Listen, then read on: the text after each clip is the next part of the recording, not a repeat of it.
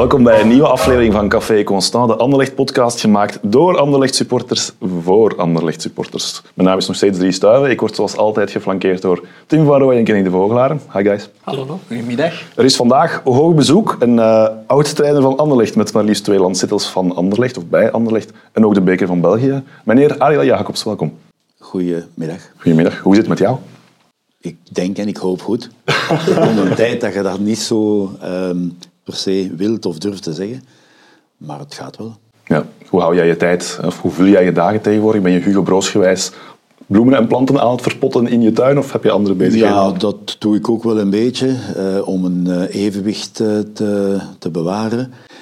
ik werk als externe consultant voor de, voor de jeugd van de Pro League clubs. En doe wat consulting in het buitenland. En zo soms nu en dan is uh, een of ander wedstrijdje analyseren. Buitenland uh, voor Eleven.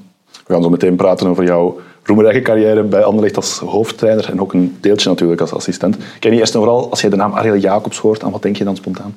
Uh, goh, veel hè. Veel zaken. Ja, ik heb ik heb met zijn dochter samengewerkt, dus dat is dan de eerste link. Uh, ik heb Niet tegen... meteen waar ik naar op zoek was. Nee, ik heb tegen een van zijn zonen gevoetbald ook. Dat is ook grappig, uh, dat juist even aangehaald. Maar ja, ik, ik was toen nog stadionsupport. Hè. Dus ik heb het uh, debuut van Lukaku meegemaakt. Ik kan zoveel dingen. Suarez, Biglia.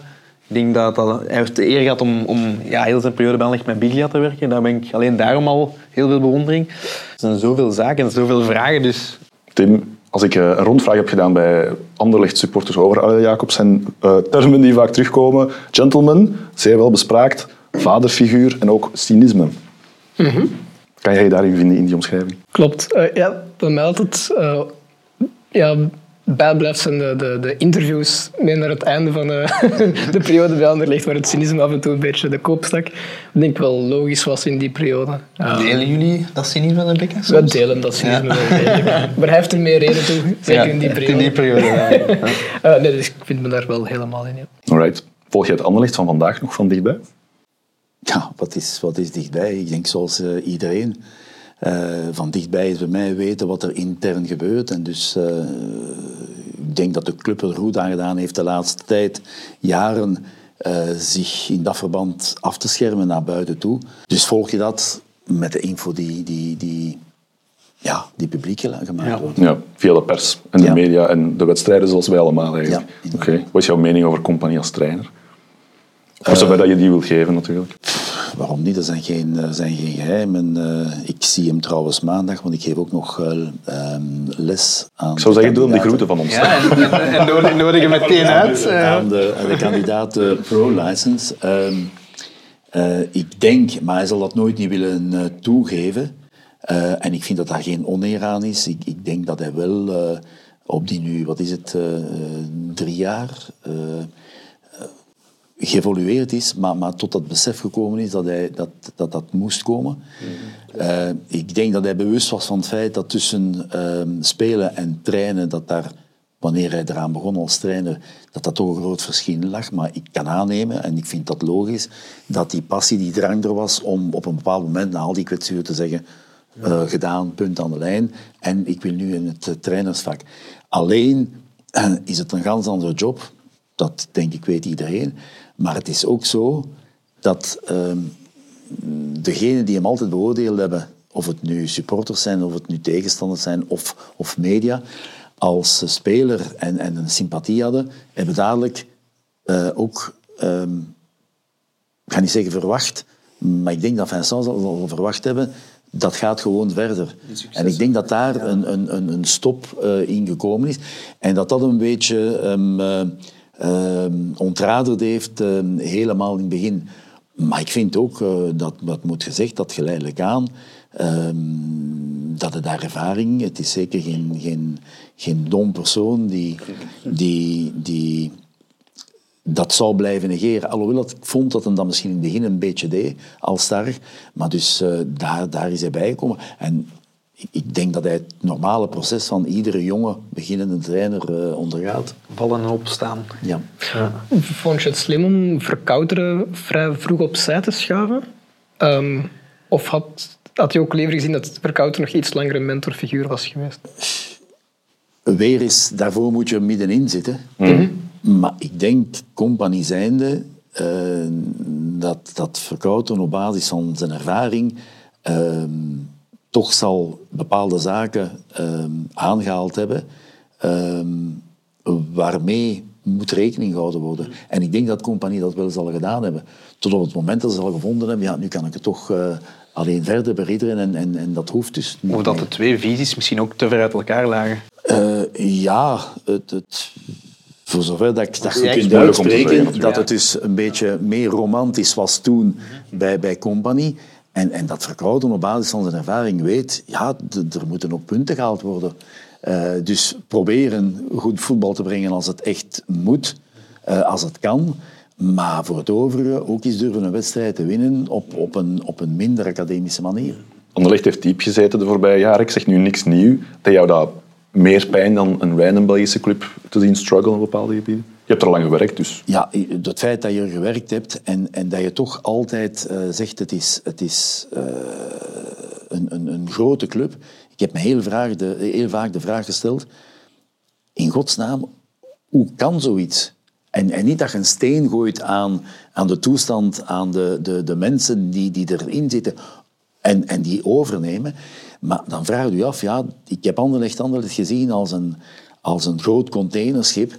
En, en uh, als die moet een bocht maken, als die moet afremmen, als die moet stoppen, ja, dan duurt dat, dat, dat gaat niet uh, zoals in het verkeer op 1, 2, 3. Dus dat stond en, en er was veel nodig om dat uit evenwicht te brengen. En nu werd dat toch uit evenwicht gebracht. Hè.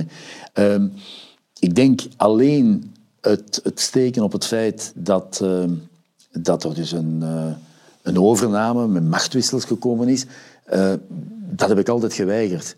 Want eh, dat kan niet. Als ieder bedrijf, en ik denk dat bij de bedrijven nog meer het geval is, als ieder bedrijf bij telkens een nieuwe eigenaar um, zo lelijk tekeer gaat, en dan vooral naar, naar beursgenoteerde bedrijven, ja, die, die, die gaan gewoon, die blijven erin. Uh, dat heeft zich toch geuit in, in zoveel wijzigingen op het vlak van bestuur, op het vlak van management, op het vlak van staf. Maar, maar dus de, de, de wijzigingen die er geweest zijn op, op, in de medische staf, Allee, dat, is, dat is enorm. En spelers zijn dan mee minder begaan. Als er zo nu en dan iets voorvalt, dan, dan begrijpen ze dat ook en, en dat gaat boven hun hoofd. Maar als dat constant blijft, ja, dan begint je ook in een rollercoaster te voelen. Ja. En, en ja, dat, dat is geen garantie voor, uh, voor goede werking of voor goede resultaten. Heb je nog contact met iemand van het oude Anderlecht-bestuur? Vermoed er is niemand nee. Los van het feit dat zij nee. nog binnen licht werken, of niet natuurlijk. Ik wil zeggen, Roger van den Stok en jij kwamen goed overeen bijvoorbeeld. Ik ja, jij, maar... ja, nee, absoluut niet. Ik moet eerlijk zeggen, uh, ik ben niet dat type trainer die bijvoorbeeld het, het, het gsm-nummer van uh, Roger van den Stok had, omdat, omdat ik vind... Wat een soort respect? Onder andere, en, en dus respect ook voor de hiërarchie. Ja. Laat ons zeggen, dan bestempel ik mezelf nog een beetje van, van de oude trant. En, en dat ik vind, oké, okay, die hiërarchie is er. Uh, en, ik vond altijd dat die moest gerespecteerd worden. Ondanks het feit dat, dat Roger van der Stok heel vaak op een week tegen, tegen het lijf liep. Heel vaak. En dat was dan niet om, om daar even te komen, want ja, dan, uh, meestal zit, zit ofwel op veld, zit, zit in uw bureau, dus het is, het toevallig als iets buiten komt, of weet nog.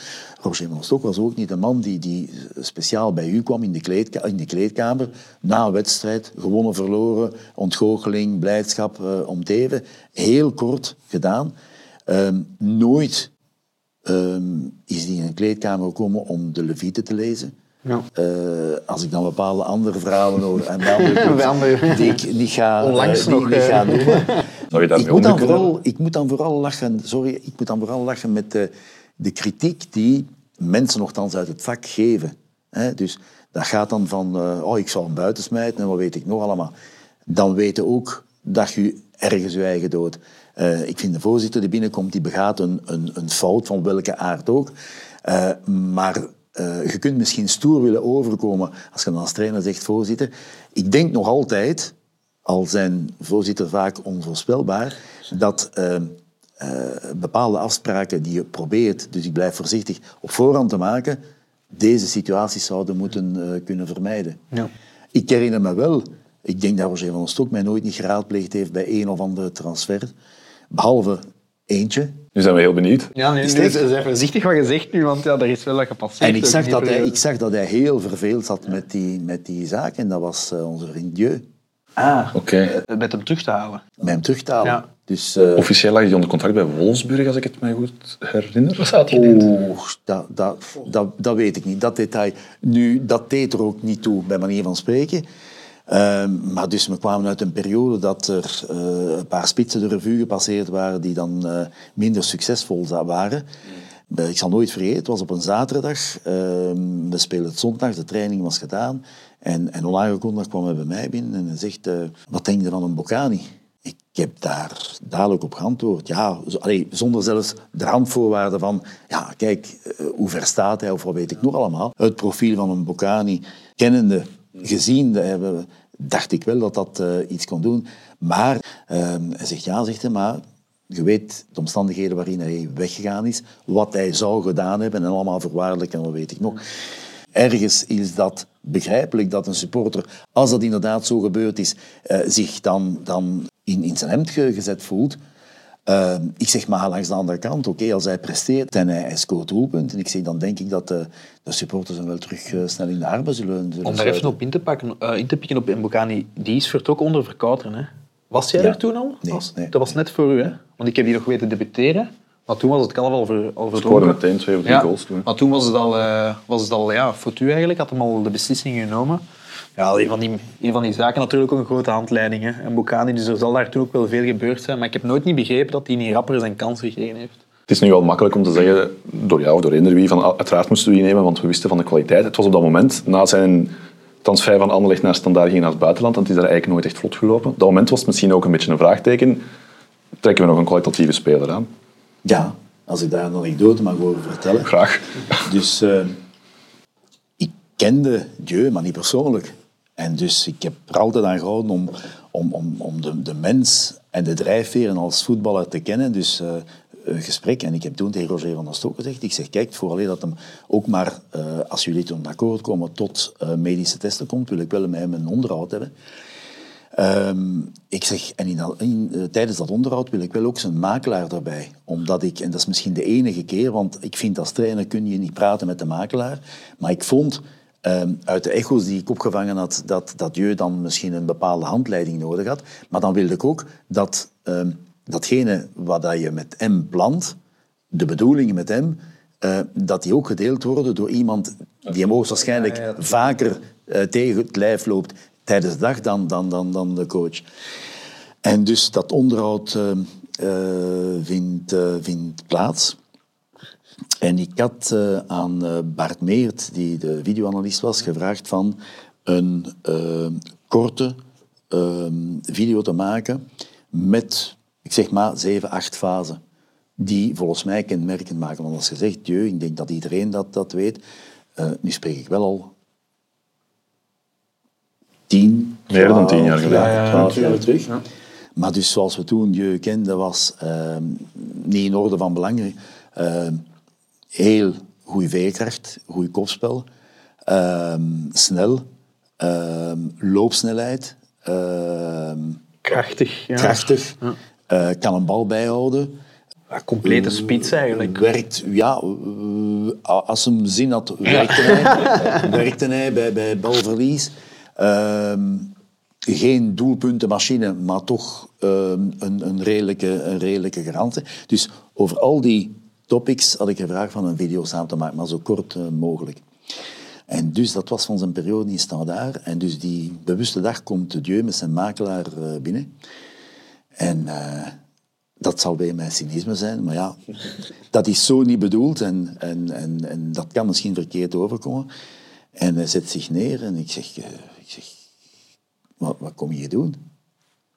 Ah, oh, Dieu, die viel uit de lucht natuurlijk. Ik zag aan, aan het gezicht van de, van de makelaar, eh, is hij niet van hè? wat weet ik nog allemaal.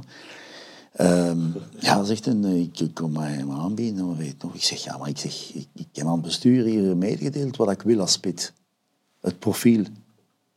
Ah, ik had de indruk, Dieu was niet meer. En dan, ik voelde ook wel, het is alsof dat gisteren was, ik voelde ook wel, dit moet ik niet te lang doen. En mijn computer die stond open. Ik zeg tegen hem, ik zeg, dit is het profiel van spits die ik wil hebben. dat ik wil hebben. die beelden van hem En dat waren de beelden dus van hem. Want ik zie hem nog altijd, na, natuurlijk na twee beelden, na het eerste zal hem gezegd hebben, ja, wat is dat? Na het tweede zal hij zeggen, "Eh, c'est moi. en ik zeg, voilà, probleem is resolu. probleem is opgelost. Uiteindelijk heeft iedereen ook een handleiding nodig. Handleiding heeft bijna een negatieve connotatie gekregen. Elke speler heeft wel een manier van omgang dat erbij hoort. Op zich vind ik dat ook niet vreemd. Ik vind dat heel normaal. Voilà. Eh, daarvan een geheel maken is natuurlijk eh, eh, niet, altijd, niet altijd gegeven, want eh, matchen doet dat daarom niet altijd. Hè. Hm, Oké. We zijn al wat gesidetracked, moet ik toegeven. Wat we eigenlijk gaan proberen te doen, Ariel, is om met jou chronologisch door de jaren bij Anderlecht te gaan. We gaan het dus niet per se hebben over jouw verwezenlijkingen, verwezenlijkingen als TD bij Genk of, of trainerscarrière bij La Louvière en zo verder. Ehm, ik zei er juist al twee keer landskampioen geworden met Anderlecht en de beker gewonnen. Wie weet binnenkort een nieuwe beker voor het eerst sinds jou. Het zou zomaar kunnen. Ehm, je hebt wel lang gewerkt bij Anderlecht, ook als T1. Heb je daar een verklaring voor waarom dat bij jou gelukt is en bij andere trainers Nee. niet? Geen verklaring. Ja, want het zijn, het zijn ook, inderdaad ook wel een beetje wisselende resultaten geweest. Ja, ja, een ja paar- absoluut. En, en er zijn momenten geweest in die 4,5 jaar dat je, dat, dat je beseft, ehm, ja, zeker bij Anderlecht, het, het, het zit moeilijk omwille van kwaliteit van prestaties, omwille van resultaat, van ontgoochelingen en wat weet ik nog. Ehm, ik heb daar persoonlijk geen, geen, geen verklaring voor gehad. Ik denk ook niet dat, eh, ehm, dat ik mij als coach intern moeilijk opgesteld heb. Eh, ook extern niet. Ehm, dat kan me verweten worden eh, als een teken van zwakte. Dat vind ik helemaal niet. Ik vind dat er zaken waren eh, eh, die volgens mij op welk gebied ook eh, anders konden of beter, dan, dan, dan heb ik dat altijd kenbaar gemaakt. Maar ik heb dus nooit, omdat ik vind dat dat niet gaat, dan heb ik nooit via de pers mijn, mijn, mijn wensen, willen zitten ventileren. Vuile was ik vind, ik vind op dat ogenblik, dan creëert je al in feite een, een sfeer die zich zeker tegen u kan draaien op het ogenblik dat er bepaalde twijfels gewoon zijn. Was dat een bewuste keuze van jou of is dat gewoon de persoon, de gentleman nee, in nee, Jacobs? nee, nee, nee, nee, dat heeft volgens mij niks te maken met gentleman. Maar ik, ik, allee, ik heb altijd eh, eh, het, het voetbal als, als een bedrijfstak bekeken. En dan vind ik, dat zou ik ook niet doen, moest ik ergens gewoon als werknemer ergens werken, dat je dan je, je, je grieven gaat ventileren. We gaan beginnen bij seizoen 2007-2008. Jij begon bij Anderlecht als trainer van, of assistent eerder van trainer Frankie Verkouteren. Hoe komt Anderlecht bij Ariel Jacobs terecht als T2? Eh, ik was verbaasd dat ik op een bepaald moment een telefoontje kreeg van Herman van Olsbeek. Ik was begonnen bij Moeskroen in de maand februari of zoiets. Dat was een eh, reddingsoperatie die tot een goed einde gebracht werd.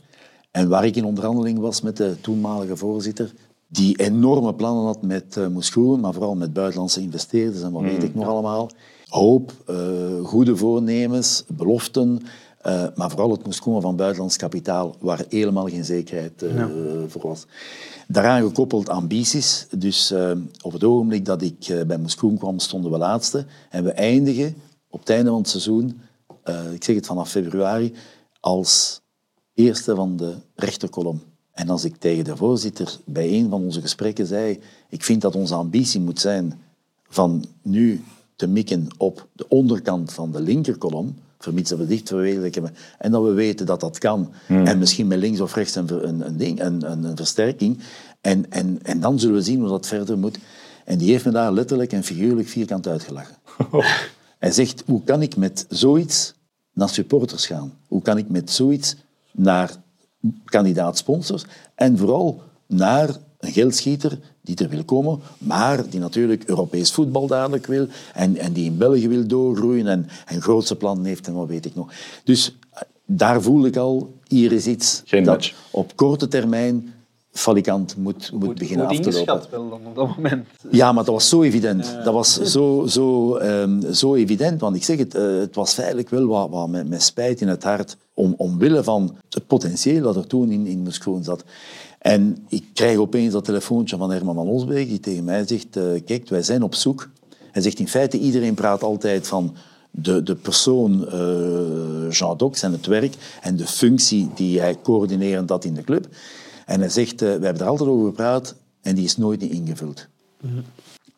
En we dachten aan u, ik had dan wat uh, bij de bond met jeugd gewerkt en, en dan ondertussen toch wat met, uh, met seniors ook. En ik moet eerlijk zeggen, de gedachte op zich, daar was ik enorm door gecharmeerd. Eh, omdat ik me daar kon in, in vinden. Uh, Kende jij Van Holsbeek al? Ik had hem een maand gehad op RWDM, denk ik.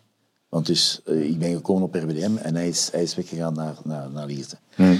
Maar dus dat ganse proces heeft toch nog redelijk wat geduurd. Dat zaaide bij mij twijfel. En langs de andere kant uh, was het niet van te zeggen, oké, als mijn Anderlecht niks wordt, dan neem ik dat maar. Dan was het wel wat met, met, met tegenzin aan moest dus dat, daarmee zat ik dan wel.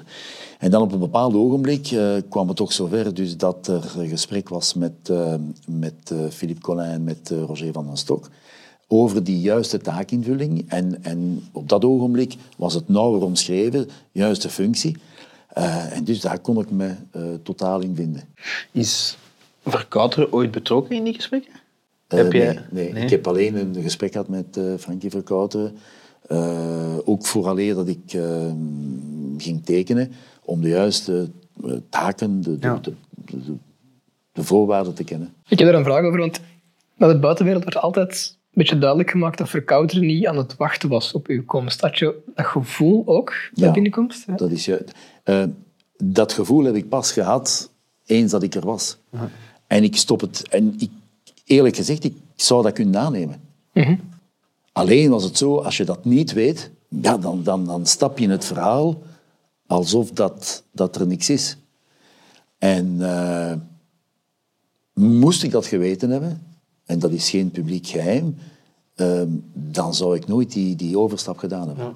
Daar ben ik zeker van. Ja. Had Verkouter meteen het gevoel... Anderlecht heeft ook wel, of had zeker vroeger de traditie van een T1. Als hij vertrekt, de T2 zou wel eens zijn job kunnen overnemen. Is het daarom ook dat Verkouter dacht... Oei, meneer Jacobs komt hier even mijn job overnemen binnen nee. een paar maanden. Nee. Dat was het die indruk had ik niet van, van, van Frankie uit. En, en die bedoeling had ik persoonlijk helemaal niet. In hm. tegenstelling wat er naderhand beweerd wordt. Ja.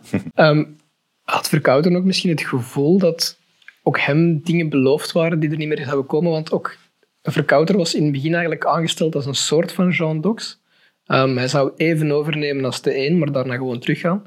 Um, dat werd hem eigenlijk bijna onmogelijk gemaakt door Van Olsbeek en uh, Van den Stok, die hem eigenlijk gepusht hebben om twee seizoenen langer trainer te blijven dan hij eigenlijk wou. Dan zit hij u komen in de functie die hij misschien ook ooit wou. Ja.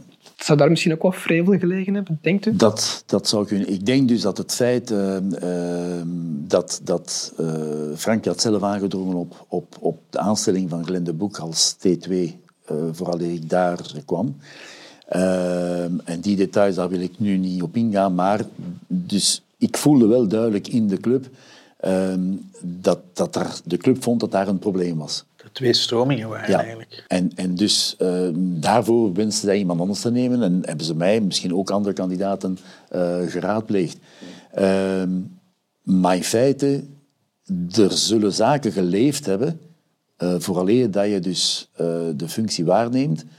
En ik zeg het, waarvan ik me niet bewust was, maar moest dat het geval geweest zijn, daar zou ik niet op ingegaan. Want al bij al hoe meer dat de tijd evolueerde, hoe minder goed dat alle betrokken partijen zich in dat verhaal vonden. Mm. Door eenvoudig. Je zei daarnet, ik wilde er niet te veel over zeggen, ik ga toch eens lichtelijk prikken met een, uh, een speldenprikje. Glenn de Boek zat een tijdje terug bij de, de podcast van Friends of Sports met Mid en hij zei daarover, ja, Jacobs kreeg de voorkeur op mij als rol voor T2, omdat hij, quote, een pion was van het bestuur. Nee, dat kan ik alleen maar ontkennen, want dus, hm. die indruk had ik nooit niet gehad. Ik moet ook zeggen dat ik merkte ik heb dat ook nooit niet nagevraagd. Uh, maar ik merkte dat uh, ik wel een, een, een, een optie was.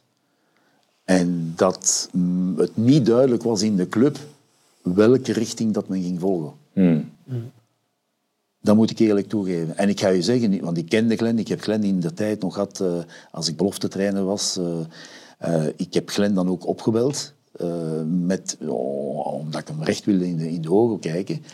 En uh, in dat gesprek, en dat was kort dus na die, die, die, die contactnaam met Anderlecht, en eigenaardig genoeg, uh, ik denk dat Glenn toen al voor zichzelf uitgemaakt, wat één ding is zeker, Anderlecht gaan we niet houden. en die dag zei Glenn tegen mij, hij zegt, ik moet wel weten, maar wat dat voor u, en wat vind je ervan? Ehm, ik heb deze morgen contact gehad met Cercle Brugge. En zoals het nu zit, ik heb er een goed gevoel bij, ga ik daar dus, eh, dus tekenen. Wat dat voor mij dan moeilijk was, want als je zegt, ja, kijk Glenn, je hebt een carrière gehad als speler, eh, je hebt nu ervaring kunnen opdoen in, in Anderlecht, en het zal wel de moment zijn om naar Cercle te gaan, ja, dan zou ik kunnen denken, potverdekke, die, die zegt me dat om, om, om, om, zelf een plaats te kunnen nemen. Dus ik heb dat ook gezegd. Dat was een vervelende situatie voor, voor mij. Maar ik vond dus wel dat dat traject allee, een, een logisch traject eh, lijkt. Ik denk dat Glenn zal gehoopt hebben, ik ga hier één of twee jaar bij Anderlecht nog zitten, en dan zal, Zal die ik de plaats kans wel, krijgen? wel, wel Ja, eh, ja, openkomen. ja. Oké. Is die spanning tussen jou en Verkouteren? Want ik weet dat er wedstrijden waren tussen Anderlecht en dan... Als hij bijvoorbeeld trainen was bij Genk, als ik het me goed herinner, dat hij weigert jou een hand te geven en zo. Dat is allemaal... Hm, dat kan wel leuker opgelost worden. Is dat intussen bijgelegd? Nee, Nee, Nee. dat blijft moeilijk. nee. Jammer. Ja, absoluut. Absoluut. Jij lijkt me ook niet de moeilijkste mens om mee te Nee, praten. dat, die indruk heb ik nu ook. Allee, dat is, dat is Hebben nu... jullie met mijn vrouw gepraat? Eh, nee, nee, nee dat, dat is zo. Ik, ik, eh, ik denk daar nog eh, soms aan, aan terug. En eh, ja, dat is, dat is altijd eh, spijtig. Eh, mensen weten ook niet, dus op het ogenblik eh, dat, dat dus die, die trainerswissel gebeurt, eh, dat valt op een maandag voor. En ik was thuis aan het schilderen met mijn, met mijn vrouw. En in de namiddag krijg ik een telefoontje en ik zie dat het Herman van Olsbeek is. En je moet daar vragen. eh, ik heb met een borstel tegen de muur gesmeten. Ja, letterlijk. Ik overdrijf nu geen, geen, geen centimeter. Met een borstel tegen de muur gesmeten. En mijn vrouw zegt, ja, wat is het? Ik zeg, ik denk te weten wat er gebeurd is op Anderlecht. En ja. Dat is veridiek. Ik ben dan naar Anderlecht gegaan. Eerst ongekleed, gewassen en wat weet ik nog. Ben naar Anderlecht gegaan en dus eh, in de tijd nog ehm, eh, onder de hoofdtribune. En dus langs die kant kwam er dan binnen en eh, dan zag ik op het eh, bord eh, in de kleedkamer van de, van de staf eh, de, de, de, de, de woorden, ze zijn licht, eh, gewij, allee, licht anders, van Frankie staan. eh, bedankt voor eh, de samenwerking met iedereen. Dus dan kon ik al, Ja, dan kon ik al was, weten wat het was. En dan ben ik bovengekomen eh, met gesprek met Roger van den Stok en met Herman van Olsbeek. En die me dadelijk zei, ja kijk, we hebben die beslissing genomen en het, is, het is niet mijn beslissing, maar genomen in de schoot van raad van bestuur of van bestuur, dus om voor u te gaan. En niet van te zeggen interim of wat weet ik nog, maar ook voor een langere periode, dus minstens tot het einde van het seizoen. En ik heb hem daarom gezegd, eh, maar ja, daar heb ik maar zes paar, oor, eh, zes paar oren en, en, en eh, ogen, dat ik dat moeilijk kon begrijpen. Omdat ik dus... ehm, Je hebt zo'n statements door de jaren heen vaker herhaald. Hè? Ik wil niet per se trainer zijn. nee. Op de duur leg dat bijna een boete adem. Ja, nee, dat, dat is zo. Ehm, ik heb het daar gisteren nog over gehad. Eh, dat is een woord dat ik geleerd heb van Herman van Rompuy. Anderlecht supporter trouwens. Eh, de, de serendipiteit zijn... zijn eh, ik ben nooit geen dromer geweest. Ik heb nooit niet gedroomd om eerste minister te worden of eh, ehm, om in het voetbal te blijven in de plaats van Guardiola of wat weet ik nog allemaal. Zelden. Blijkbaar zou dat moeten hebben.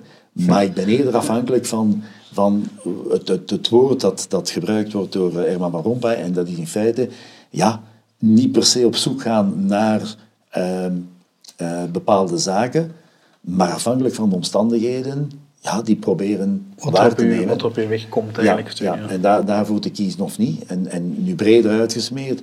Als ik naderhand beschouw bepaalde zaken, heb ik misschien een, een, een bepaalde zogezegde trein gemist.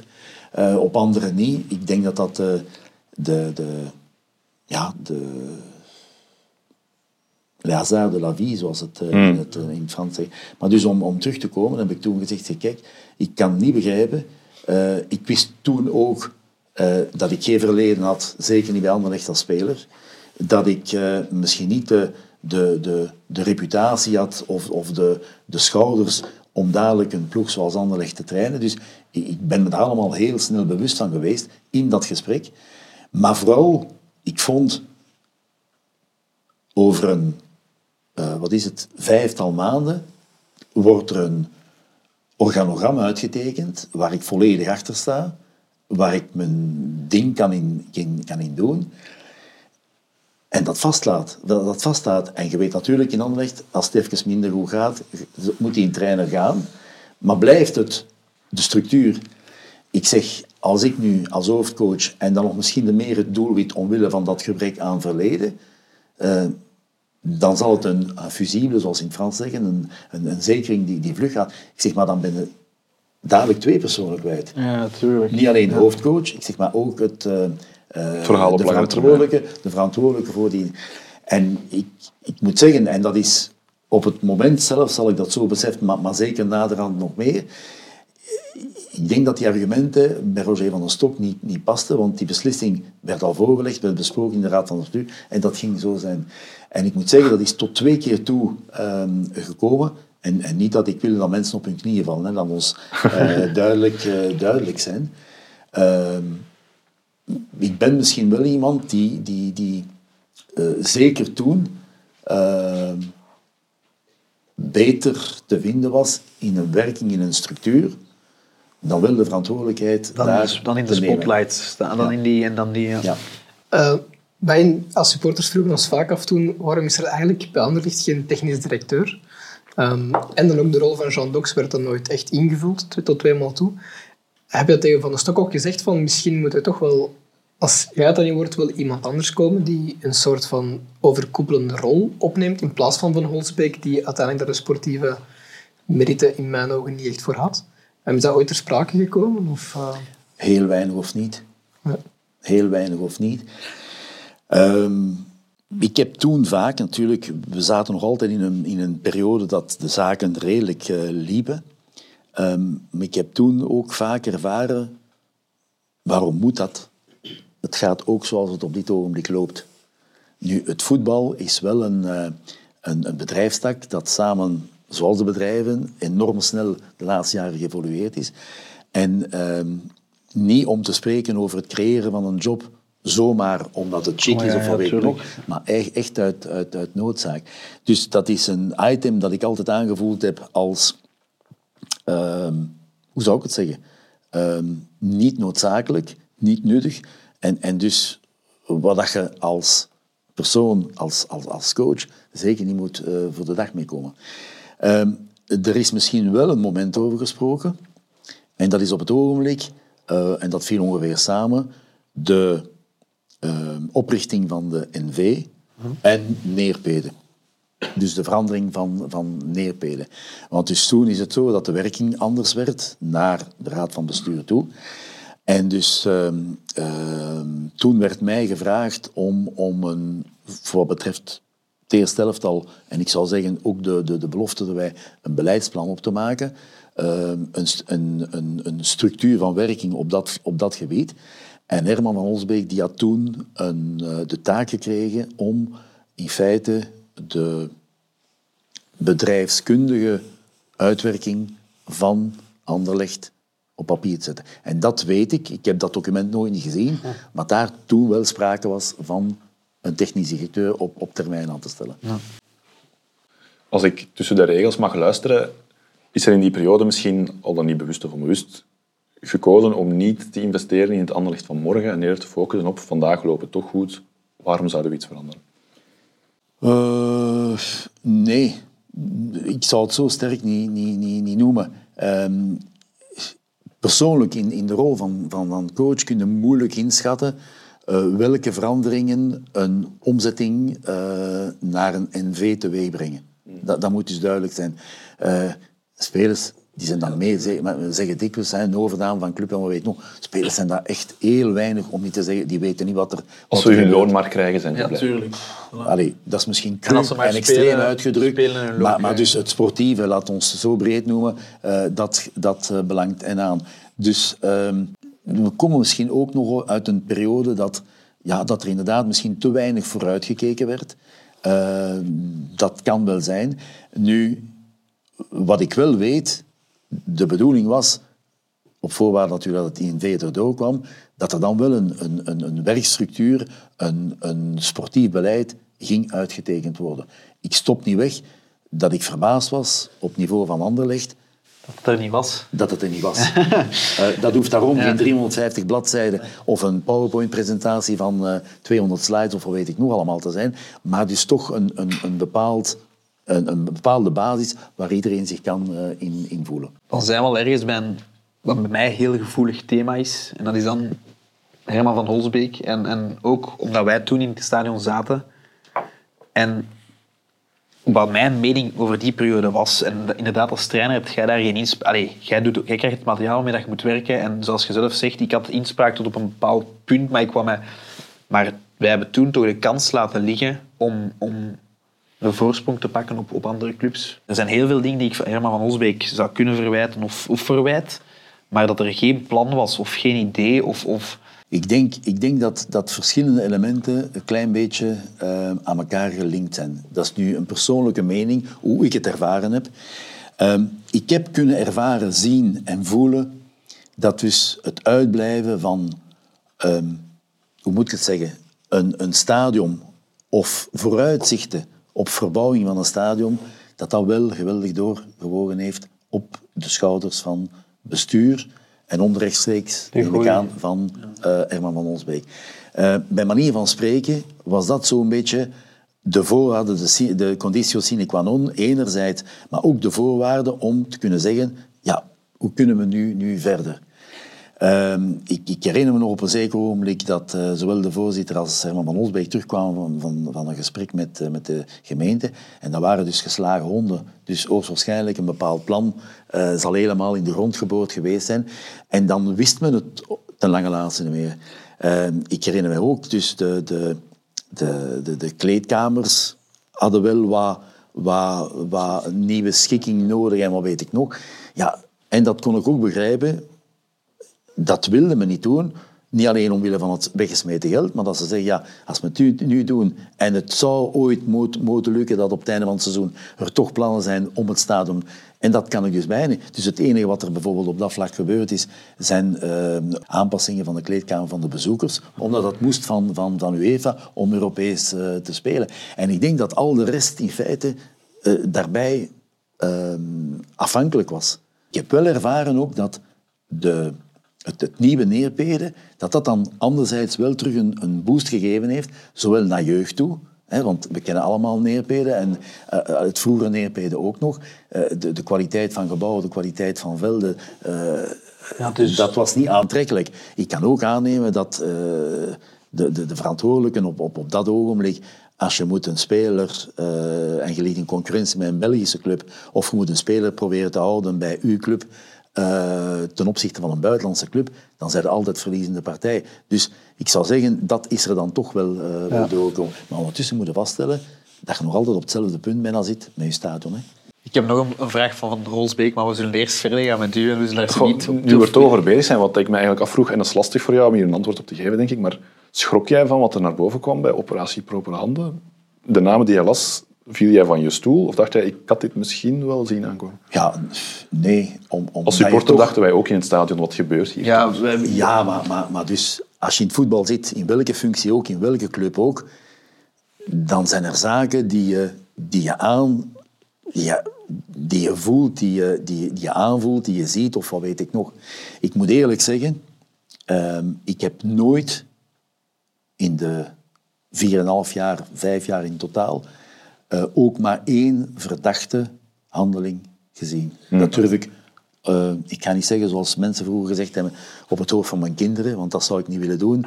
Eh, maar op mijn, mijn eigen elft zelf. Ik ga je zeggen, het was ook wel de tijd dat, om hem dan niet te noemen, Moji Bayat geen enkele speler bij Anderlecht Ja, had.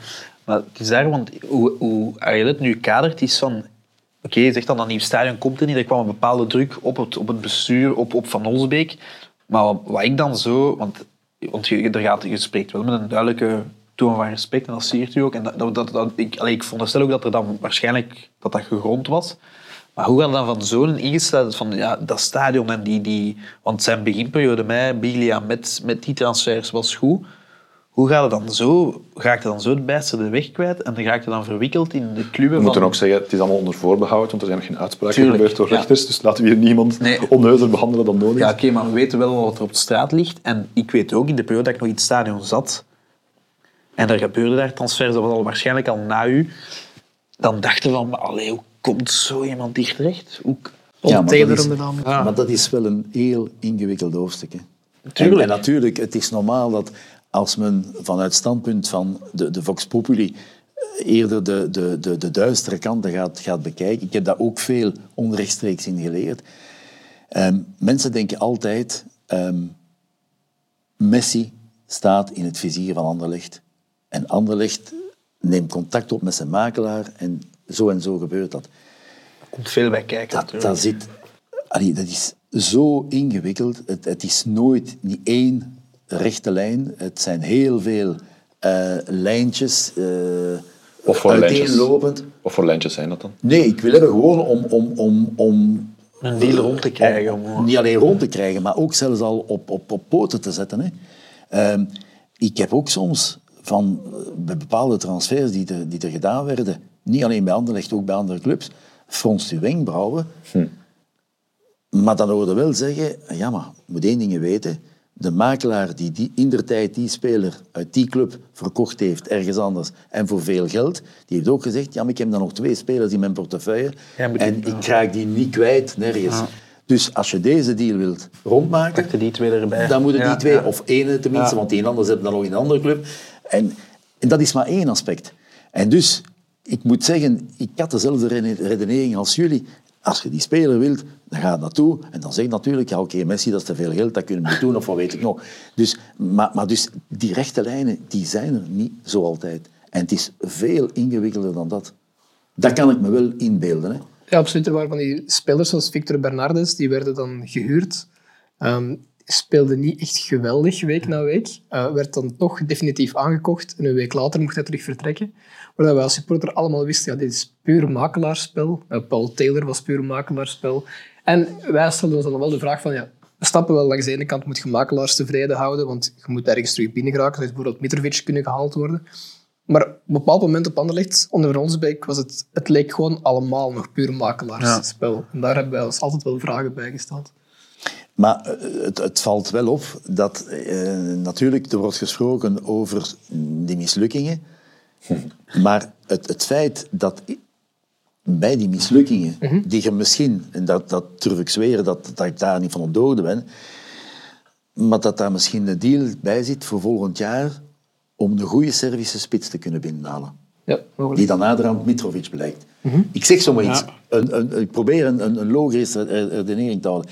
En het is wel zo, ik stop u niet weg. Ik persoonlijk als, als, als coach, op bepaalde ogenblikken als men sprak over die of die speler, dat ik dan ook zei van, oef. Ja, ja, wat, wat, wat is dat? Waarom? En dan ga je dat vragen. En dan natuurlijk, ja, dan wordt het beste van die, van die jongen verkocht. En, en dat, dan, dan is dat zover. Dan, dan is dat dus gebeurd. Had jij het daar Dat- moeilijk mee als mens, die praktijken? Je staat, daar heb je het moeilijk mee. Maar om nog even, om nog even af te maken, en nu, nu ben ik even met een draad kwijt. Ehm, ik, ben, ik ben zelden of nooit eh, betrokken geweest. En nou, dat wil niet zeggen dat ik alles van voetbal ken, ver van. Hè.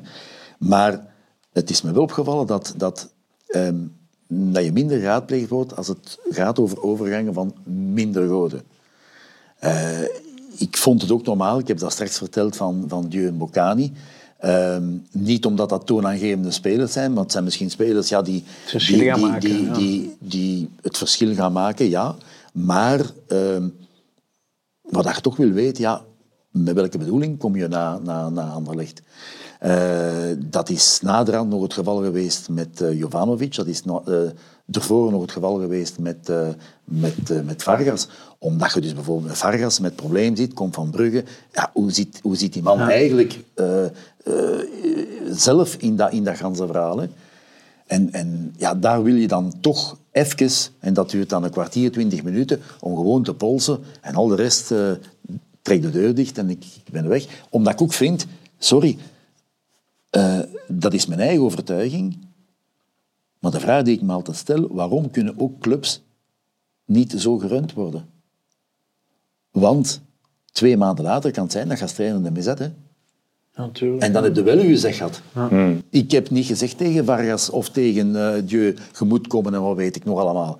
Je, je probeert ja, die iets aan te reiken en te zeggen, ja, dat, dat zijn de mogelijkheden. En ik ben niet tegen uw komst, in integendeel, dat zijn de voordelen. Maar, maar het blijft altijd onder het voorbehoud van uw eigen positie. hè. Om daar even op in te pikken nog. eh, hoe kan ik mij dat voor... Ik werd jij erin... Waren er besprekingen aan, aan het einde van het seizoen van kijk, volgend jaar we gaan, die spelers gaan waarschijnlijk vertrekken. Werd, daar, werd jij daar geraadpleegd? Of kon jij bijvoorbeeld ook zeggen van dat profiel moet ik nu hebben? Of, of, Niet te want- veel. Niet te veel? Niet te veel. Want, maar er waren ehm tijdig, maar niet, niet, niet in constante opvolging. Ehm, uit mijn standpunt, en nu nog altijd, ehm, blijf ik erbij dat u, u, u ik ga niet zeggen uw self-scouting, maar dus de, de, de, het departement dat zich bezighoudt met een transfer ingaan en uitgaan, dat die voornamelijk met die zaken bezighoudt. Ik zou daar als verantwoordelijke niet kunnen pikken dat die trainer altijd met zijn neus, en, die niet, maar die wel, want die is twee meter en ik moet Ja, langer hebben dan weet. Weer hetzelfde, twee maanden daarna is er niet. Ja. En zijn opvolger die wil een wendbare, kleine spits eh, vooraan. En, en, en het, is, het is helemaal aan. Dat is een van de vele verwijten die ik mezelf eh, toestuur. Eh, die contacten waren er sowieso niet. Niet op een structurele manier eh, met, met scouting. En ik had die misschien wel moeten provoceren. Dat je toch op geregelde tijdstippen met elkaar zit Ja. en zegt van, eh, wat hebben jullie? En wij stellen dat Ja. vast. En waar willen we toe komen? ja. Want ik, ik snap dat je inderdaad zegt, ja, ik zou het niet pikken als verantwoordelijke, moest een trainer er constant bij zijn. Maar als trainer kan je dan wel zeggen van, ja, moest er een technisch directeur zijn die waakt over de toekomst en over hoe er moet gespeeld worden en hoe de jeugd moet doorstromen, dan snap ik dat je als trainer zegt, ja, mijn inspraak moet beperkt zijn. Maar als uiteindelijk Van Holsbeek maar min of meer doet wat hij wil ja. doen, ik denk dat het als trainer toch wel moeilijker moet zijn om te zien van, ja, er wordt eigenlijk ook maar zonder mijn inspraak dan nog wat gekocht, wat opportuniteiten zijn en dergelijke. Is dat niet moeilijker als er geen TD is? Ehm, toch wel. Toch wel. Ja. Omdat ik ook vind, eh, Herman had als taak, maar, maar dat wilde hij ook doen, om eh, aanwezig te zijn op alle vergaderingen. Maar dat ging dan, bij manier van spreken, een veiligheidsvergadering, een vergadering ticketverkoop.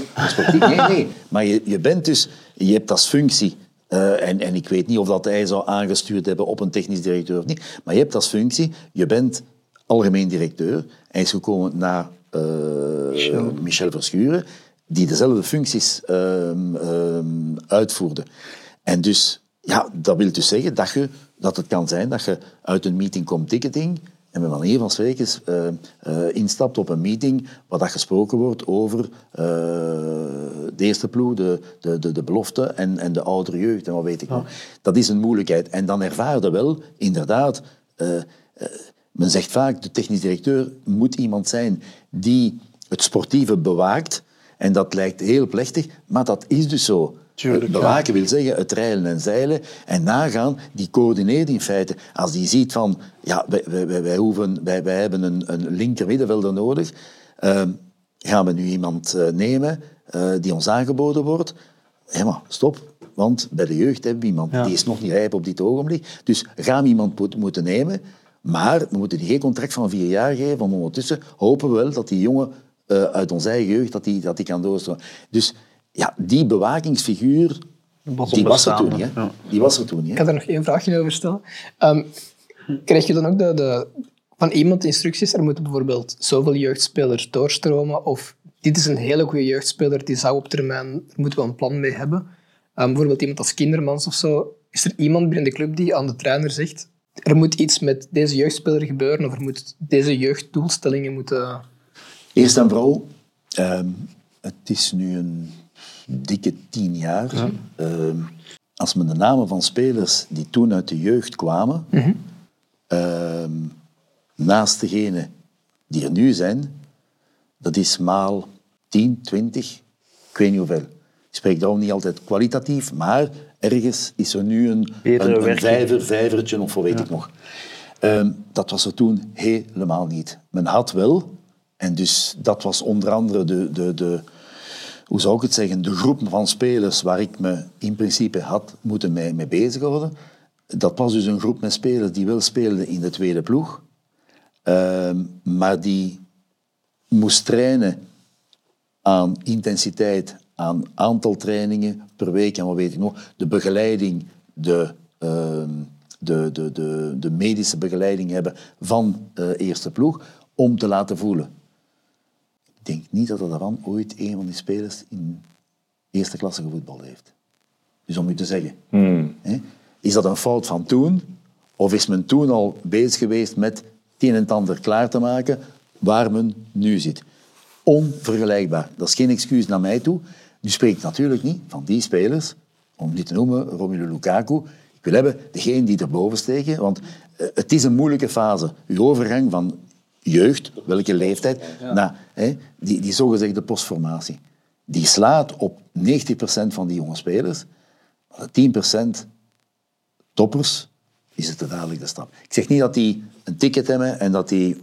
Dat niet, want die kunnen ook nog mislukken. Maar daar zitten bij ja, de toppers die we kennen, de, de Lukaku's, de, de Juri Tielemans, uh, Jari Verscharen, compagnie en wat weet ik nog allemaal. Dat zijn een beperkt aantal toppers. Ik zou zeggen, die, die, die overgangsfase, die geldt vooral voor al degenen die overal altijd tussen wal en schip vallen, die geen vaste ploeg hebben, die niet, niet genoeg minuten kunnen spelen, eh, die veel hoop hebben, die dan ontgoocheld zijn, die misschien weg willen en, en, en wat weet ik nog allemaal. Ehm, in die periode hebben we ook dus wekelijks een, een eh, vergadering op touw gezet, eh, bestaande uit mezelf en, en stafleden. Johan Wallem als hoofdcoach van de belofte en Jean Kindermans. Eh, ik ging me niet interesseren. Ik wil hebben voor de korte termijn aan wat er gebeurt bij, U, bij U9. Maar dan hadden we wel de top van, eh, Bovenbouw. van de, de, de bovenbouw. eh, spelers die dadelijk zouden kunnen inzetbaar zijn. Nog niet. Of degene, zeg maar 16, 17 jaar, die nog een, een tijdje nodig hadden. Eh, dus allee, dat is wel efficiënt, ondanks het feit, ik geloof niet dat ik in vijf jaar drie wedstrijden van de belofte van Anderlecht thuis of op verplaatsing gemist heb. En ik was niet de enige. De ganse staf ging mee.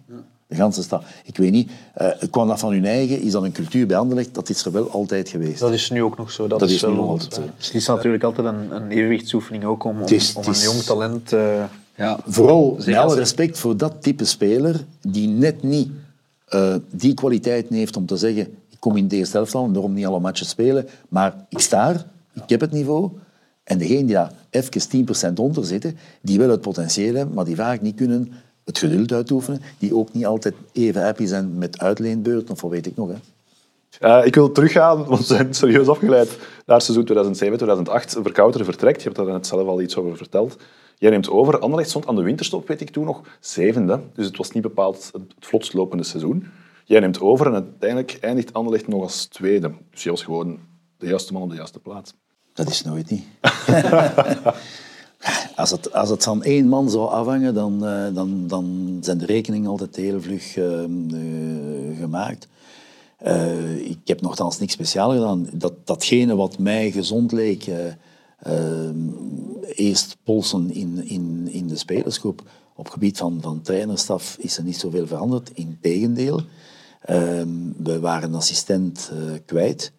En ik weet dus in mijn persoon, en ik weet op een zeker ogenblik, had Herman van Olsbeek gezegd, ja, moet toch een assistent bij hebben en wat weet ik nog. Maar dat ligt moeilijk in de loop van het seizoen en, en niet dadelijk de, de, de kandidaten die, die, die wel voor die job konden in aanmerking komen. En dan is het zelfs zo ver gekomen, ik spring misschien een, een, een, een brug te ver, maar dus in de Europa League in ehm, Bordeaux, Daar was Dus- ik aanwezig en dat was echt een, heerlijk, een heerlijke match. Sorry dat ik je onderbreek. En dat was, dat was een van de beste wedstrijden dat dat die Boussoufa Europees Ja, niet gespeeld inderdaad. Maar, daar, zat ik dus, daar zat ik dus alleen op de bank, want uh, spijt genoeg, daags voordien was Daniel Renders zijn vader of zijn moeder uh, overleden. En die wilde er absoluut bij zijn. En, en, en Herman van Osbeek en ik hebben erop ingepraat en gezegd, nee, dat kan niet. Uh, dus die, die was al later gekomen en die verneemt op de luchthaven van Bordeaux, als ze naar het hotel moest komen, dat vader of moeder overleden was. En die heeft dadelijk terug, teruggestuurd. Uh, dus dat, inderdaad, dat is vrij eigenaardig. Uh, misschien ben ik daar te weinig uh, eisend, veel eisend in, in geweest in dat, in dat opzicht. Maar ja, we weten hoe dat gaat. je staat zevende. Zonder dat je het weet. En, en, dat is een negatieve spiraal. En dan volstaat het dat er even links of rechts resultaat of het een of ander wel begint te draaien. En, en dan klikt dan naar de andere kant. En ik stop niet weg. Uh, van bij het begin weten, als je zevende staat en zoveel punten achter, en je weet toch wel dat daar op dat ogenblik misschien een van zijn betere ehm, kernen had van de laatste zoveel jaren, dat het een moeilijke, een moeilijke oefening ging worden. En ja, Kijk, het doet altijd pijn als je ten eerste moet toezien dat u, een van uw concurrenten van over jaren kampioen wordt op zijn eigen veld tegen u. En ten tweede, ehm, het was ook, de, de, ik kan niet zeggen de stop, maar vanaf dat ogenblik weten dat uw remonte ja, tot, tot niks verder uh, gaat leiden. Oké. Okay. eenvoudig. We hebben tijdens de winter wel wat spelers aangetrokken. Een speler die ik bijna was vergeten is Velcek. Een soort bonkige spits die, die frommelgoals maakte, maar hij maakte ze wel. Jakovenko kwam, Gillet kwam. Ehm, je hebt er nou juist al een beetje op geallideerd, denk ik. Je werd niet per se geconsulteerd bij zo'n transfer. Nee, ik weet bijvoorbeeld, uh, dat het toch een hot, uh, allez, een, een item spijtig genoeg is in, in deze tijd. Ik uh, zat in de kleedkamer van de laatste wedstrijd thuis, voor de winterstop. En toen kwam Merman Moldwijk bij mij en zegt, ik kan uh, Jakovenko halen, want die is einde contract op het einde van het seizoen. En dus als we nu binnenhalen, ja, dan is Genk van zijn contract vanaf. En uh, ik dacht dat het een, een, een, een belachelijk lage uh, transfervergoeding uh, was. Dus allee, ik ben iemand die zo snel in elkaar zit met te denken, ja, de, de, de, bezetting op die posities, die, die was er toch. als ik het goed voor heb, hadden we toen al Le Jaar en ik zal er andere vergeten. Uh, ja, desondanks, uh, daar werd ik gewoon over, over, uh, over gebriefd, over ingelicht, dat, dat, dat die transfer ging tot... ingelicht, maar niet per se geconsulteerd. Nee, kan het zo misschien wel samenvatten. Nee, nee. Jakovenko maakt dan wel, het ging net over de Europese wedstrijd tegen Bordeaux, daarna speel je die wedstrijd tegen Bayern München. Thuis speel je eigenlijk geen slechte eerste 25 minuten, dan valt eigen onterechte goal de 0-1, verliest Anderlecht uiteindelijk 0-5. Ja. Daar gaan ze wel winnen. Ik denk bij de heropening van de Allianz, of de ja, opening van de Allianz We zijn de eerste ploeg die Europees wint in de Allianz Arena. 1-2. En Jakovenko maakt daar een wereldgoal. Ook aanwezig toen. Ik ga je nog een anekdote vertellen. Dat was de chouchou van mijn jongste zoon. En die vond dat ik er niks van kende, omdat ik die niet, omdat ik die niet genoeg opstelde. Ik was ook enorme Jakovenko Omdat ik die niet genoeg opstelde. En het toppunt was, uh, die was... Uh, dus dat situeert zich rond het krokusverlof.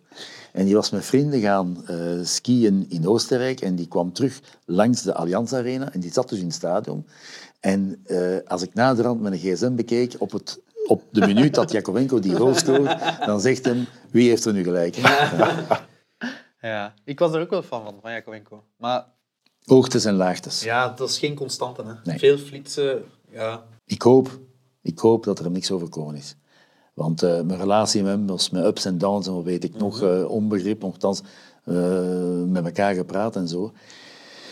Maar ik heb hem over maand een bericht gestuurd en hij heeft me nog antwoord. zeggende dus dat hem... Ik vroeg hem, are you in Kiev? en hij zei, ja, zegt hij, want ik, ik heb van gisteren vernomen, wij min 60 jaar mogen niet buiten.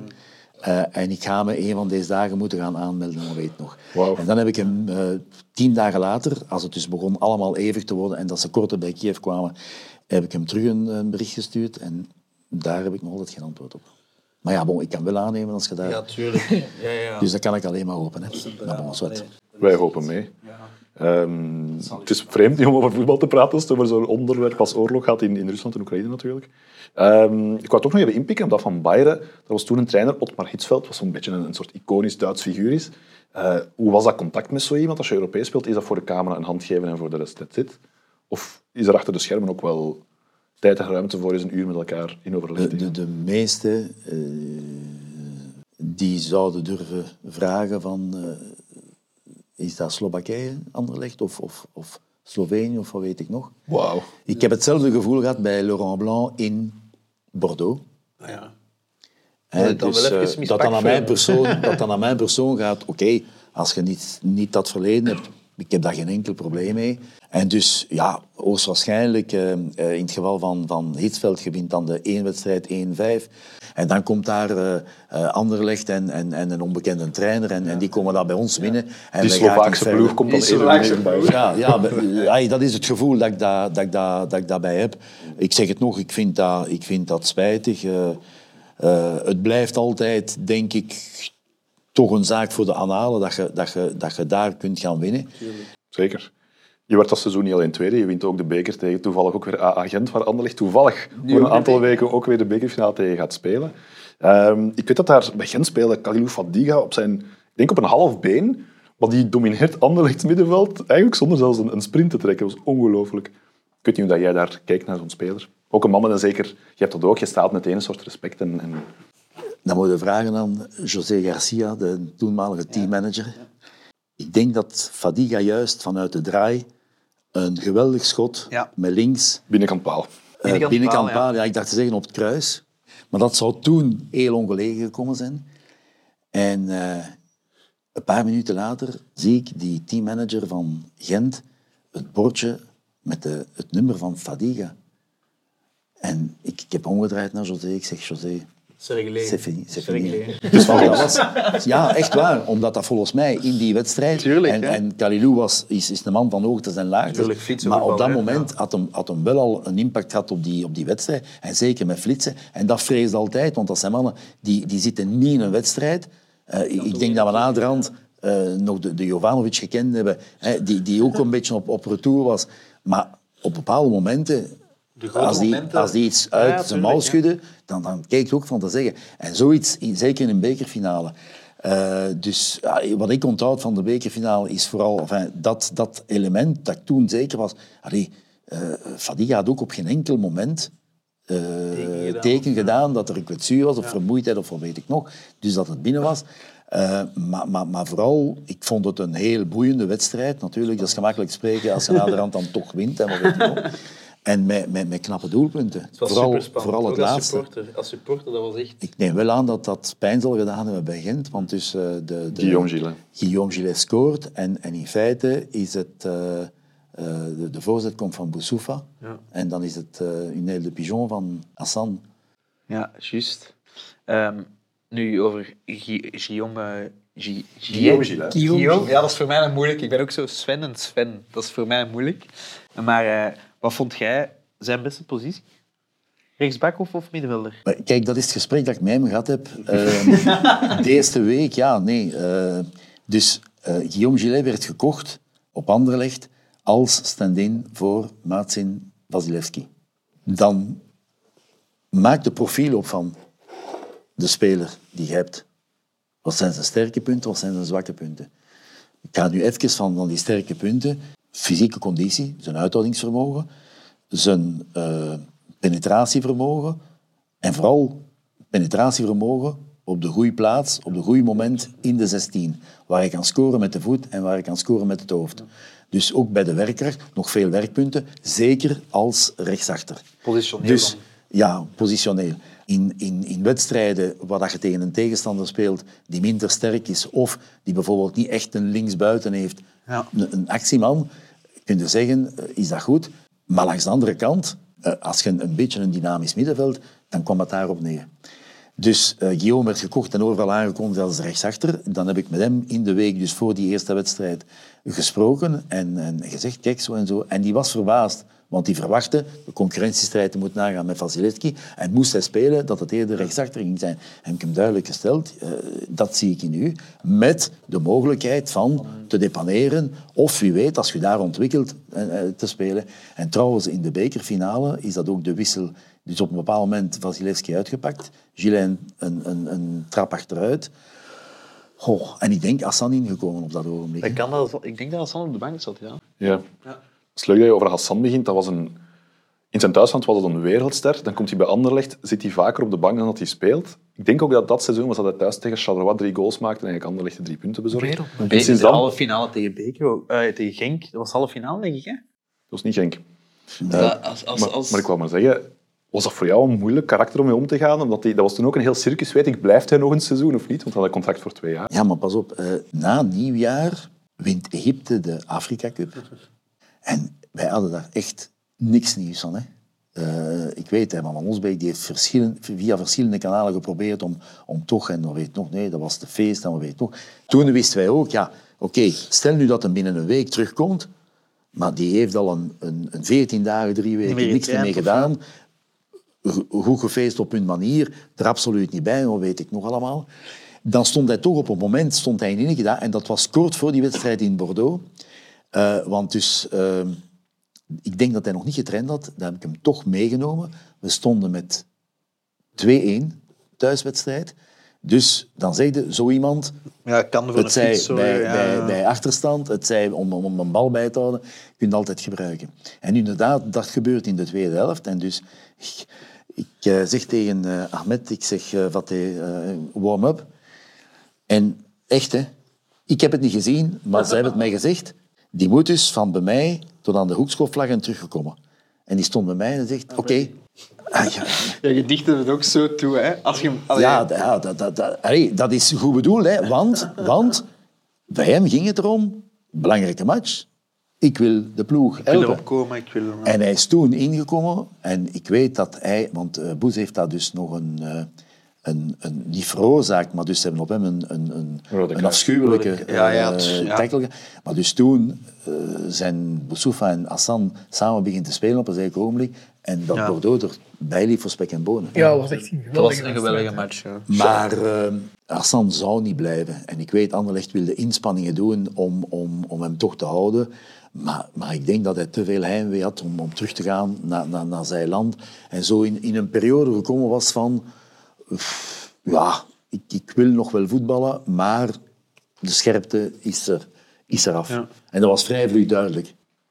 Wat betreft die, die bekerfinale, ik had bij Anderlecht vroeger vaak het gevoel vanuit het bestuur ook, de beker winnen zou leuk zijn, maar ach, het is eigenlijk pas belangrijk van zodra we in de halve finale zitten en de finale halen, dan moeten we die prijs pakken en anders, pis. Werd dat jou ook zo tussen de soep en Nee. de patat was? Nee. nee.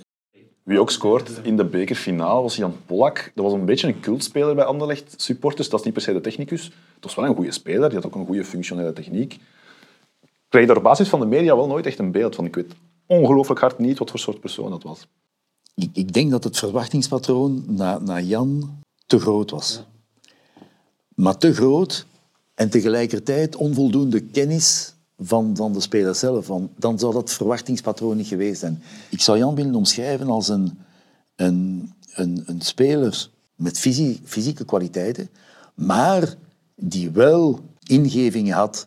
eh, een afstandsschot onder andere. Die of creatieve, ja, of creatieve ehm, eh, ingevingen, waarvan dat je soms dan zou schrikken.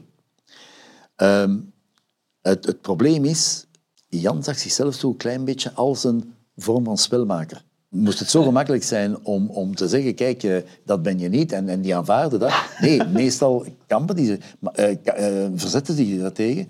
Toen viel de naam nogal gemakkelijk van, Box we moeten box. een box-to-box zoeken. En dat was Jan, want Jan kon verdedigen, Jan kon werken. En Jan had ook die infiltratie en kwam aan de 16 en kon daar schieten. Eh, eh, een schot kon even goed drie duiven in de, onder, onder het afdak naar beneden halen als in de winkelaak, eh, als in de winkelaak vliegen. Hè. Ik heb ook gemerkt, ik denk niet dat Anderlecht de gewilde, de gewenste keuze was van, van, van, van Jan. Hij was Tsjechisch international en ik denk dat hij, hij had dan al, hij kwam van Nuremberg, waar dat hem ook kantje boot was en wat weet ik nog.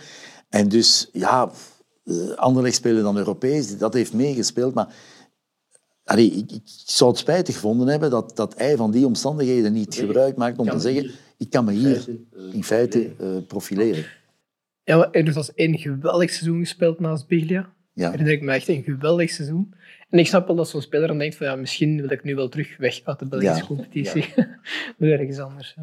De naam Bilja viel daarnet. Ik denk, ongeveer elke Anderlecht supporter valt in zwijm als je Lucas Bilja vermeldt. Was dat een, een, een makkelijke jongen om mee om te gaan? Voor jou als trainer? supporter van Anderlecht in zijn voor Biglia. De meeste die Eh. wij kennen wel. Ja, Want ik weet, ik weet, hij heeft wel kritiek gehad en hij gaat dat wel niet toegeven, maar die heeft hem toch wel geraakt. Want het is Ja, een maar hele dat- gevoelige Maar dat was voornamelijk van de pers, want hij heeft ook Ja. wel nog uitlatingen ook, naar, dat de, ook. naar de Ja, ja. pers gedaan. Maar ik weet, de meeste we zaten toen allemaal in het stadion in die periode. Ehm, iedereen rond ons eh, op het Anderlecht Forum, iedereen was gewoon echt zwaar fan. Op het Anderlecht Forum bijvoorbeeld was er elk jaar de, ehm, werd de speler van het jaar verkozen. Ik denk dat bijna elk jaar was het Biglia. Ollak heeft één keer ingebroken, dat geweldig seizoen. En de rest was altijd Biglia. Het WK dat Biglia België, dat België eruit gaat tegen Argentinië. Toen dacht ik van, en nu Vlaamse pers. Gaan we nu eindelijk een keer Biglia de, Ja, ja, ja, de hulde ja. of de... de Ik heb dezelfde reflex gekregen, want ik voelde ook dat, dat Lucas niet, niet, niet, niet, niet naar waarde geschat werd. En, en eh, als België dan tegen Brazilië verliest en Brazilië wordt dan eh, wereldkampioen. Argentinië. Eh, eh, Argentinië wordt dan Argentinië speelt de wereldkampioen. finale tegen Duitsland. ja. Of de finale gespeeld, ja. Dan zeg je toch, allee, dat is een speler van, van ons competitie. Die zit daar in zo'n wereldploeg met de Messi's en wat weet ik nog allemaal. Eh, ik zal heel kort zijn over Biglia. Dat is, ik vind een schitterende en vaak ondergewaardeerde voetballer en een schitterende gast. Sorry dat ik de chaos gewoon verder omarm. Ehm, want wij hadden ook het gevoel, binnen de club wordt Biglia niet naar waarde geschat. Ik weet, Van Olsbeek heeft drie zomers lang in interviews gezegd van ja, we proberen Biglia te verkopen voor 3, 4 miljoen, maar niemand wil hem. En wij dachten allemaal, ja, als één, waarom zou je Biglia verkopen voor 3 miljoen? En twee, waarom wil niemand Biglia? Biglia was de metronoom van het middenveld. Ja, hij scoorde weinig, maar dat is ook het enige probleem. Maar wat, wat, wat, is het dat, dat Ja, Biglia dat, zo dat ook, daar moeten we zo weer op terugkomen, want dat is een, een verkeerde perceptie. Hè.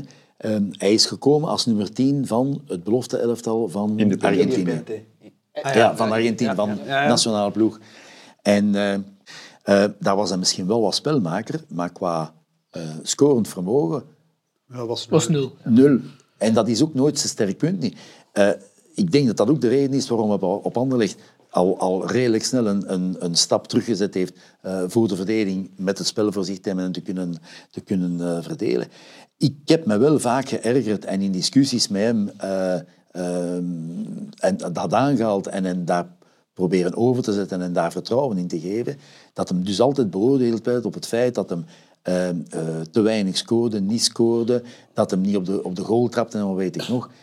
Hij had, ik vond eerlijk gezegd, als ik nu toch één gebrek bij, bij Biglia moet aanhalen, hij had een slechte trap. Ja, hij had geen wereld. Dus eh, ook op training, hè, dus dat was zo. En je weet, eh, Zuid-Amerikaan die hebben nogal vaak de, de, de neiging om met wreef, maar bij hem, ik weet niet hoe.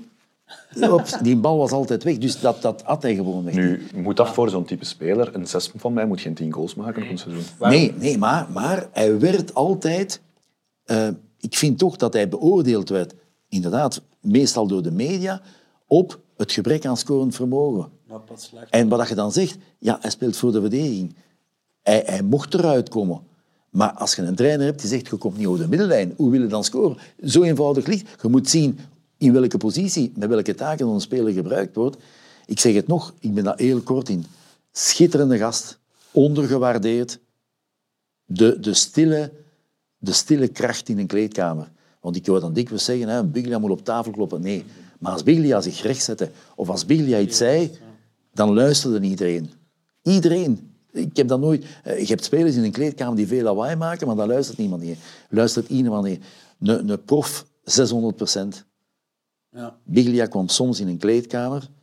eh, die zette zich neer, die moest verzorgd worden. En die kon er meer recht staan. Ik zeg, Lucky, va. En die stond daar recht, maar dat was een kreupele mens. Die wil om te spelen, dat, dat vinden bij de gepassioneerden. De Messi's, die, die, die zijn ook half dood en die willen toch nog spelen. Ehm, nu, om terug te komen op eh, wat je zegt. Ik heb het altijd aangevoeld mm, dat Anderlecht een heilige schrik had. Moest hij weggaan, dan niet dadelijk een waardige vervanger die direct gaat vergeleken worden met het niveau van Biglia. Om maar het check overkomen is inderdaad. Ja.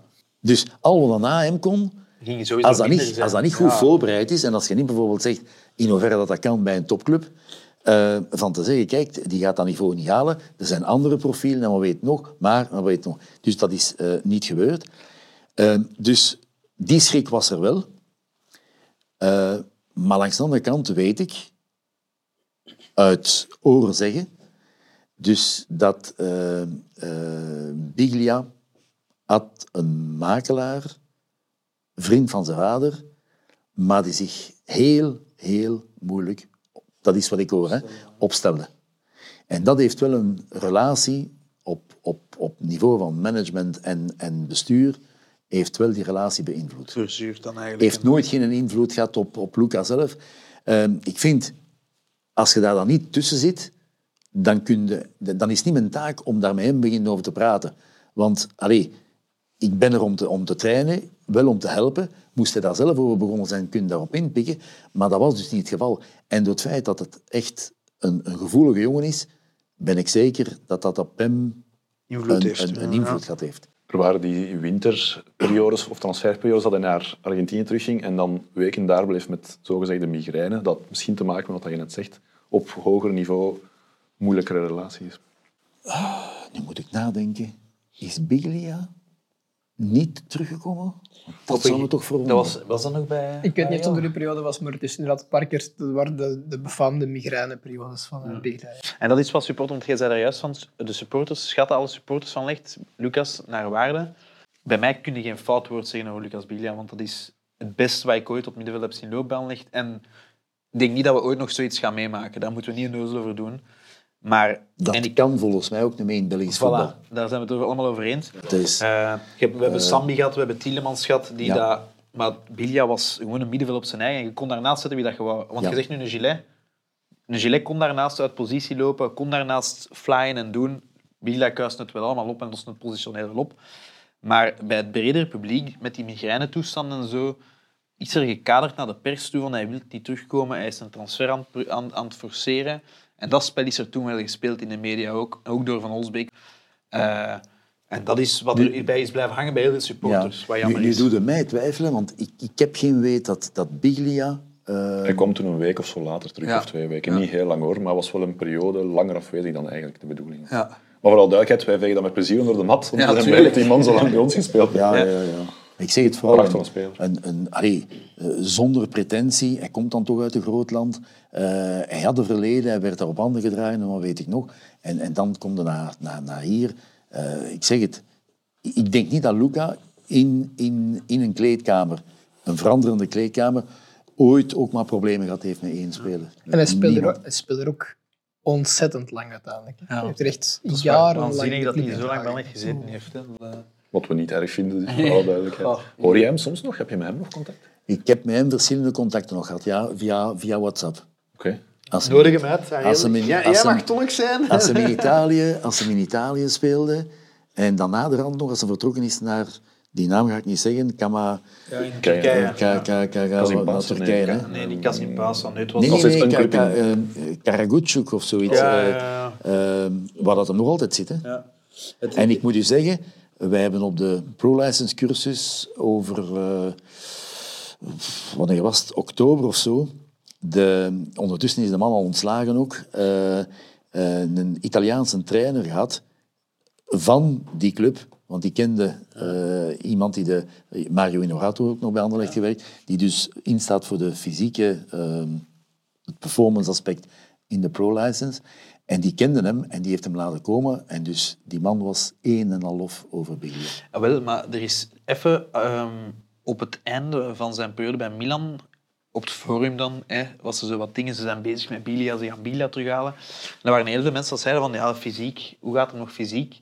Maar hij speelt nu al twee jaar in Turkije, bijna een gans seizoen, onafgebroken. Vorig jaar 25 matchen, dit jaar ben ik het nu niet aan het volgen om eerlijk te zijn.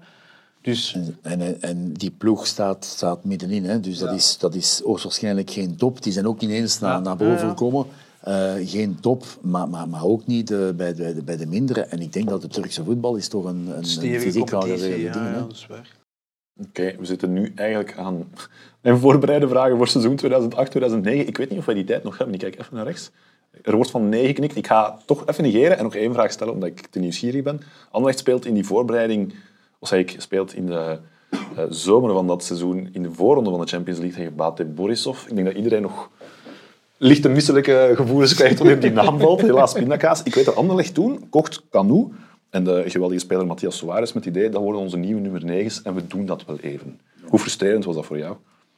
Niet frustrerend, want je denkt mee met de club, je weet dat. Ehm, alleen is het zo, als je dus uitlicht tegen een zogezegd onbekende ploeg, ja, dan weet je dat er maar één schietschijf is. oké, daar moet u bij, bij, bij neerleggen. Eh, ik moet zeggen, als je dan nader op ingaat, eh, en ik denk dat, dat de spelers het zelf bewezen hebben, op termijn waren dat goede investeringen. Hoe klein of hoe groot, dat weet ik absoluut niet, dat dat mogen geweest zijn. Eh, absoluut. Ehm, ik moet zeggen, ehm, bij zijn aankomst, Canu, uh, die liet geweldige indruk. Ehm, maar die was wel bij zijn aankomst helemaal anders dan al bijvoorbeeld twee, uh, een maand later. Want dus die kwam uit het niets. En ineens, ja, was, was alles hier mogelijk. En dan voelde dat zo bijna uit, uit, uit, uit, bij manier van spreken, uit uw, uit andere lippen. Had alleszins zeker het potentieel. Um, ik weet niet of de wedstrijd in Bate, of dat jullie die goed kunnen herinneren. Maar dat doet dus, want in feite had dat nog helemaal anders kunnen uitdraaien. Mm Dat doet juist op het einde, langs de zijlijn, want hij kwetste zich op. En dat was de voorbode van heel wat ellende voor hem. Um, een actie, wat ik toen van gezegd heb, amai. Hij, hij doet daar dus, ik denk in de grote rechthoek, de kruising groot rechthoek met de doellijn. Hij kapt zich vrij en hij brengt die bal voor doel. En Roland Joors die komt daar millimeters te kort om die bal binnen te duwen. Wordt er daar alsnog, uh, uh, denk ik... 2-2 zou het toen geworden zijn. Ja. Ja. Ja. Ja, dan, dan heb je al sinds... Uh, allee, naderhand, details naderhand ja. dus uh, die, die details. Matthias is mijn vriend niet geweest. Uh, Voor ons is dat ook een, een crème van een speler. Ja, ja, absoluut. Ik ben wel blij van het traject. En ik zou graag met hem aan, aan tafel zitten, in de hoop dat hij dat beseft. Omdat um, op het ogenblik dat Matthias gekomen is, heeft hij heel veel getoond wat hem kan. Ontegensprekelijk. Maar je houdt hem voor van, kijk man, als jij zo verder gaat, kun jij je ontwikkelen als Europese speler. Waar? C'est pas. En uh, het duurde voor hem allemaal te lang. Wat je nu binnenste wel begrip moet voor hem, maar dat doet dan progressief. Had ik misschien meer speelgelegenheid moeten geven? Misschien wel. Misschien wel. Maar ik zeg het, als ik het bekijk op de ganse termijn uh, van die vier jaar, en dat je dan uiteindelijk komt tot uh, de waarde die hij heeft in de ploeg, bijna niet meer weg te cijferen, gouden schoen, uh, dan zeg je dat traject hebt afgelegd. Ik weet, dat eerste jaar komt Herman van Olsbeek bij mij en die gaat dan zeggen, ja, ik heb gezegd, niet te veel, uh, niet te veel uh, als ik het zo mag noemen, contacten.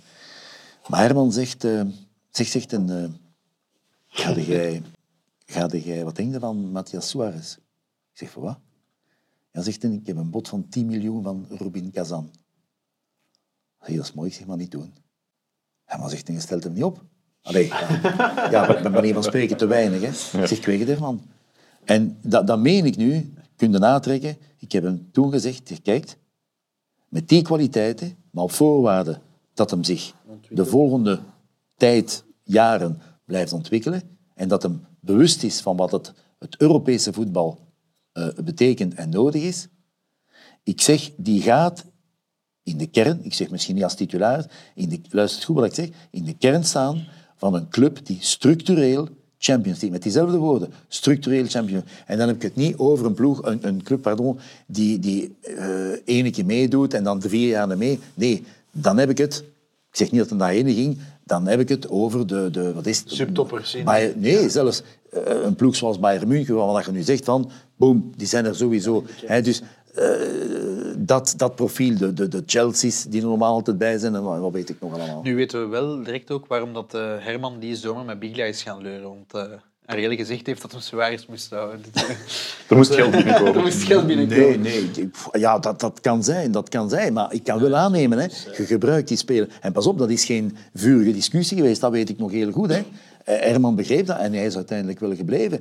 Maar je hebt dan weinig argumenten als trainer, want ik, had, ik heb geen glazen bol.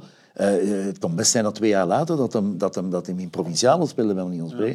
Maar, uh, ik zeg het nog, wat je van hem zag, maar die uh, Matthias, ofwel zeg je, oké, okay, ik ben content en spelen jong en we zullen zien waar het eindigt. Ofwel zeg je, je hebt wel potentieel, Je kunt voor Anderlecht iets betekenen. En later, en daar en daar gaan we werken. En voor hem, ik, ik heb dat... Ja, geen plezante. Dus eh, José was dan altijd de, de, de, de tolk. Uh, ook omdat, in tegenstelling tot uh, Nico Frutos, tot uh, Pareja, tot, tot Lucas Biglia... Ehm, geen Frans. Die, die wel dat Frans... Ja. Matja, ja... Dat is moeilijk. Dat ging moeilijk, had daar geen zin voor of, of wat weet ik nog wel. Dus allee, dat vind ik altijd het ergste. Ik, spreek nogthans een paar talen, maar dus dat je... Die afstand dat je... Ah, daarom niet tactisch, maar gewoon een keer even kunnen ja, zeggen... Man. Ja, tuurlijk. Ja. Maar, maar die, hoe, hoe, is het en thuis en, en, kinderen en wat weet ik nog allemaal. En dus... Uh, maar ik weet dus dat hij... Dat hij uh, in feite zich, zich niet goed voelde in het begin. Wat dan normaal is. Hè. Ik, denk nogthans dat Anderlecht alles gedaan heeft om hem goed op te vangen. Maar dus uh, het, feit is, dat weet ik dan ook van, van José, die vertelde op een zekere dag, ja, zegt zeker een dag zat Matti weer uh, thuis te, te, te, te beklag te doen en heeft zijn vrouw tegen hem gezegd, jong, je zat in Argentinië. Je hebt altijd gedroomd van Europa. Nu zit er, het kan het begin zijn. Als je nu teruggaat, dan moet je nooit meer terugkomen. Bedankt, en, mevrouw Suarez. Ja, en, en, dat moet blijkbaar toch bij, bij, bij, bij, bij hem een, een, een indruk geven. Ja. Oké, okay. ze blijven hier al vijf minuten aan mij wapperen dat we echt moeten afronden. Dus helaas, ik had nog 101 vragen voor jou. Uh, als het voor jou oké okay genoeg was vandaag qua ervaring, kunnen we misschien kijken om nog eens een nieuwe afspraak in te boeken. Maar wellicht dat je niet rondgekomen is, dat mijn fout? Of ja, je bent te interessant, meneer Ario Te interessant, inderdaad. Ja, zo is het effectief. Ja, was... Zeer, zeer, zeer bedankt voor jouw komst. Het was ongelooflijk fijn om... Graag gedaan. Ik help altijd graag mensen die gepassioneerd zijn. Super. Kijk. Ja, ik ga nog even mijn uh, wekelijkse Daar duties doen. Voilà. Um, bedankt aan AIF IMO die ons helpen, Lem Twist en Tom Sund. Dat was het voor mij. Bij deze, alright. Meneer Ariel Jacobs, dankjewel. Dank Wie weet, in de toekomst. Zwaai, zwaai.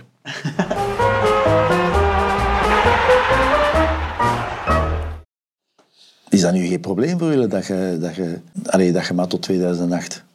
Ja. Ja, dat